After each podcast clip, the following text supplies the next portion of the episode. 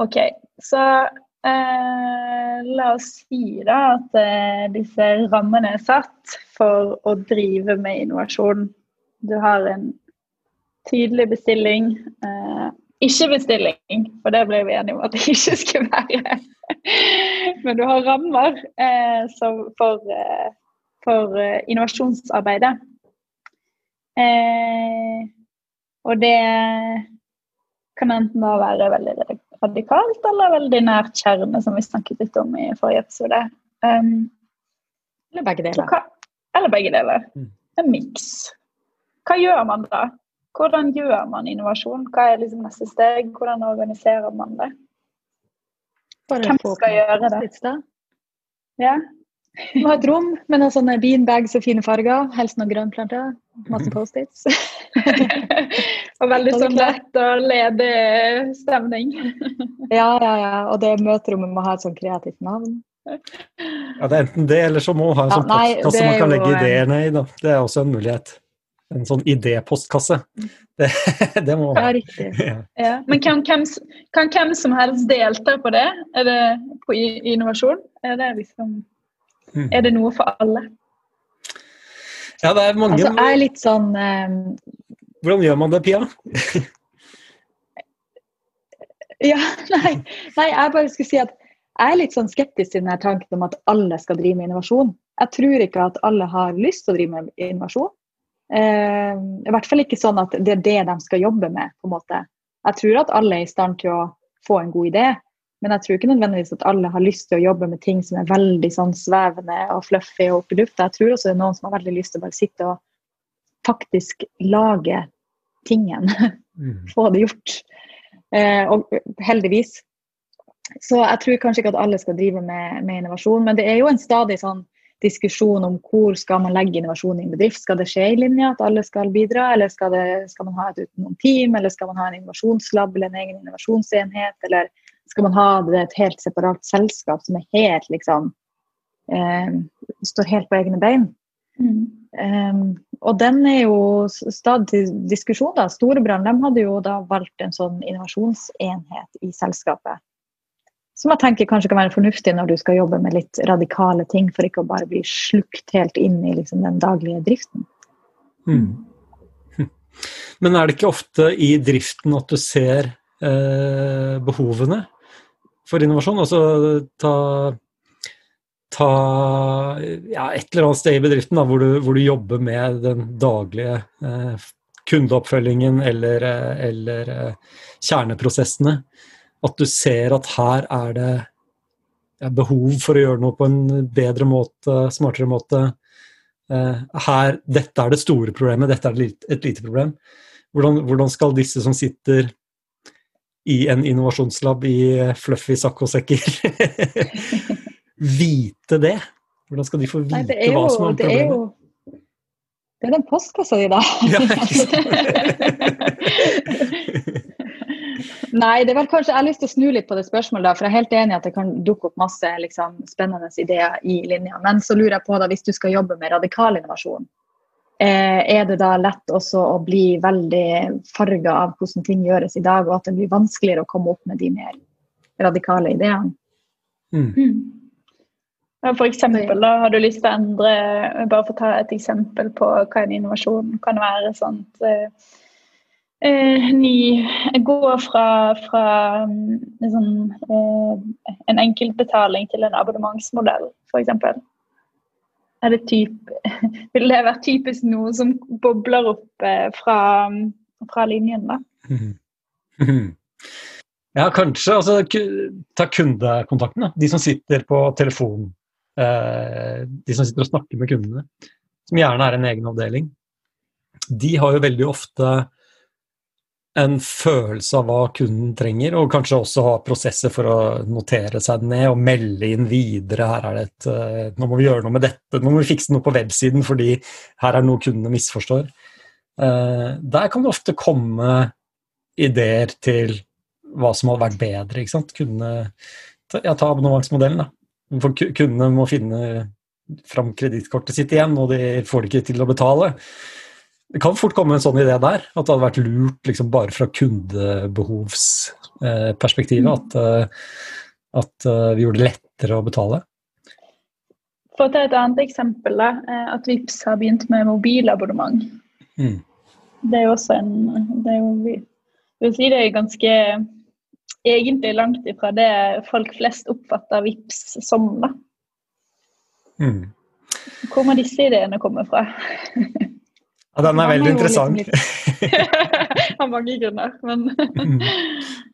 Jeg tenker at Uansett hvor, hvem som jobber med innovasjon, da, altså hvis det ikke er hvis du har et, et, team eller en enhet eller sånn som skal jobbe med innovasjon, så du kan ikke bare sitte på et lukka rom og komme opp med ideer. Du må jo gjøre innsiktsarbeid. Du bør jo absolutt da hvert fall snakke med dem som sitter på kundeservice, og dem som mm. jobber med salg, og dem som, alle dem som er tett på kunden, og kunden sjøl.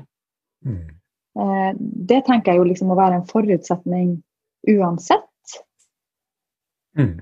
Eh, men hva er liksom det, det, som kanskje er nyttigere å skille på da, det er jo at det som vi veldig ofte hører, er jo at de som sitter i linja, de, jo, de, de sitter jo liksom ikke og knipser med tærne hele dagen. De har jo ting å gjøre. Så det er jo vanskelig kanskje å finne tid til å ta tak i de tingene sjøl. Og det er kanskje ikke en tydelig prosess for liksom, hvis du kommer opp med en strålende idé, hvordan får du ta den videre. Så det er jo noe med at hvis du setter folk i en eget, eget team eller egen enhet, så får du fokus på det. Og du har rom og de her rammene igjen for å liksom faktisk kunne jobbe med innovasjon. Og det er vel kanskje mer det som skiller. Og så kan du godt involvere folk fra linja i et sånt team eller en sånn enhet. Mm. Det er jo ikke sånn at det, det, de som kan jobbe med innovasjon, er noen slags sånn enhjørninger som at det er ingen andre som kan gjøre det her. Mm. Men er det, ser, det er vel flere modeller, altså selv om man har en innovasjonsenhet, så er det vel flere modeller innenfor det igjen også? altså at, at, at de kan fungere som et enten som et idégenereringssted, eh, kanskje til og med også et sted hvor man begynner å gjøre produktutviklingen, men, men det kunne jo også vært eh, eh, en modell hvor ideene fra resten av organisasjonen kan komme dit og få hjelp. Mm. Kjenner vi til noen fordeler og ulemper med de variantene?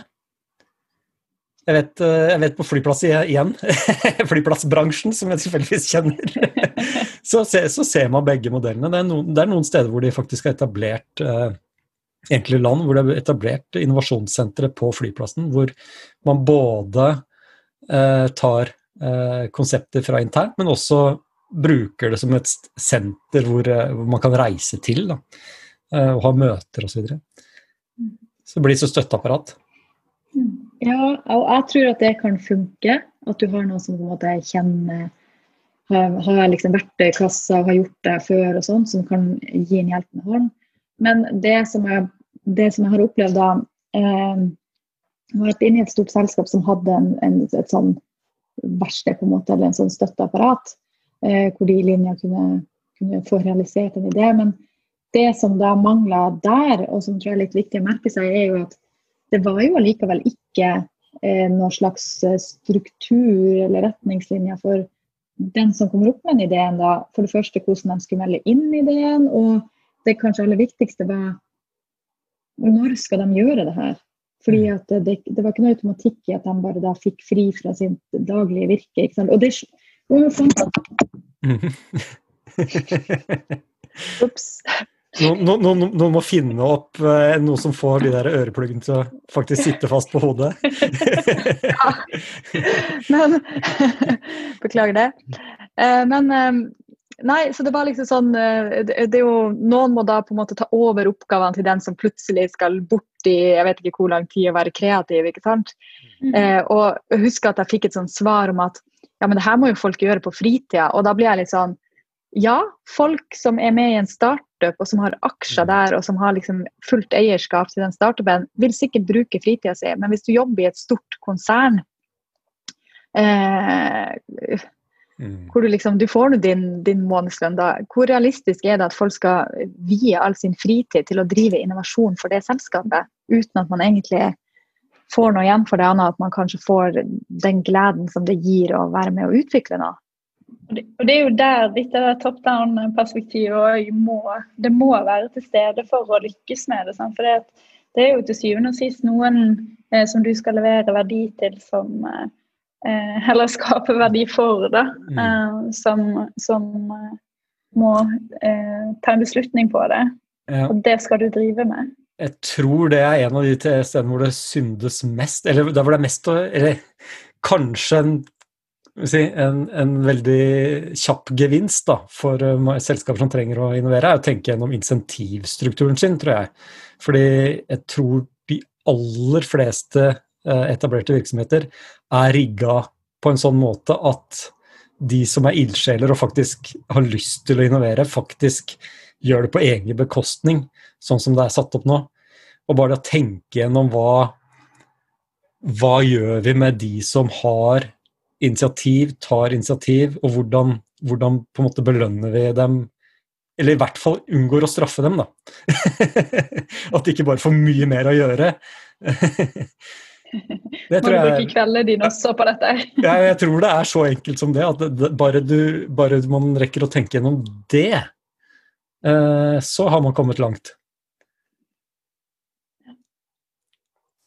Vi kan vel si litt sånn eh, Det blir vanskelig å konkludere, for vi har vært innom så mye forskjellige ting. da, men, men at uh, igjen, det, det, som vi var inne på forrige episode, at det er veldig viktig å tenke gjennom rammene for innovasjon og retningene. Og så er det vel så viktig å tenke faktisk gjennom hvordan det her skal funke i praksis.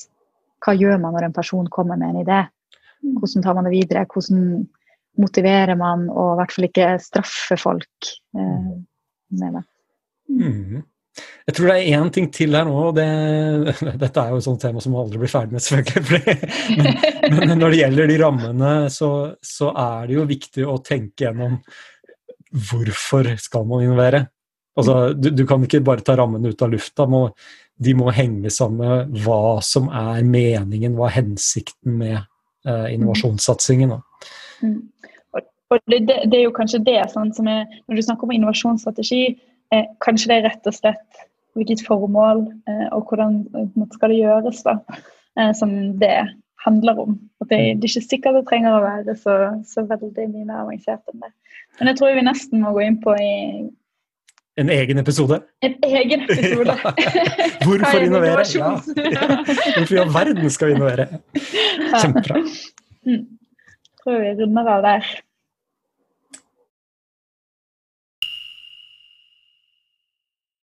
Drypp er en lavterskelpodkast fra Beck, hvor vi diskuterer diverse temaer som interesserer oss.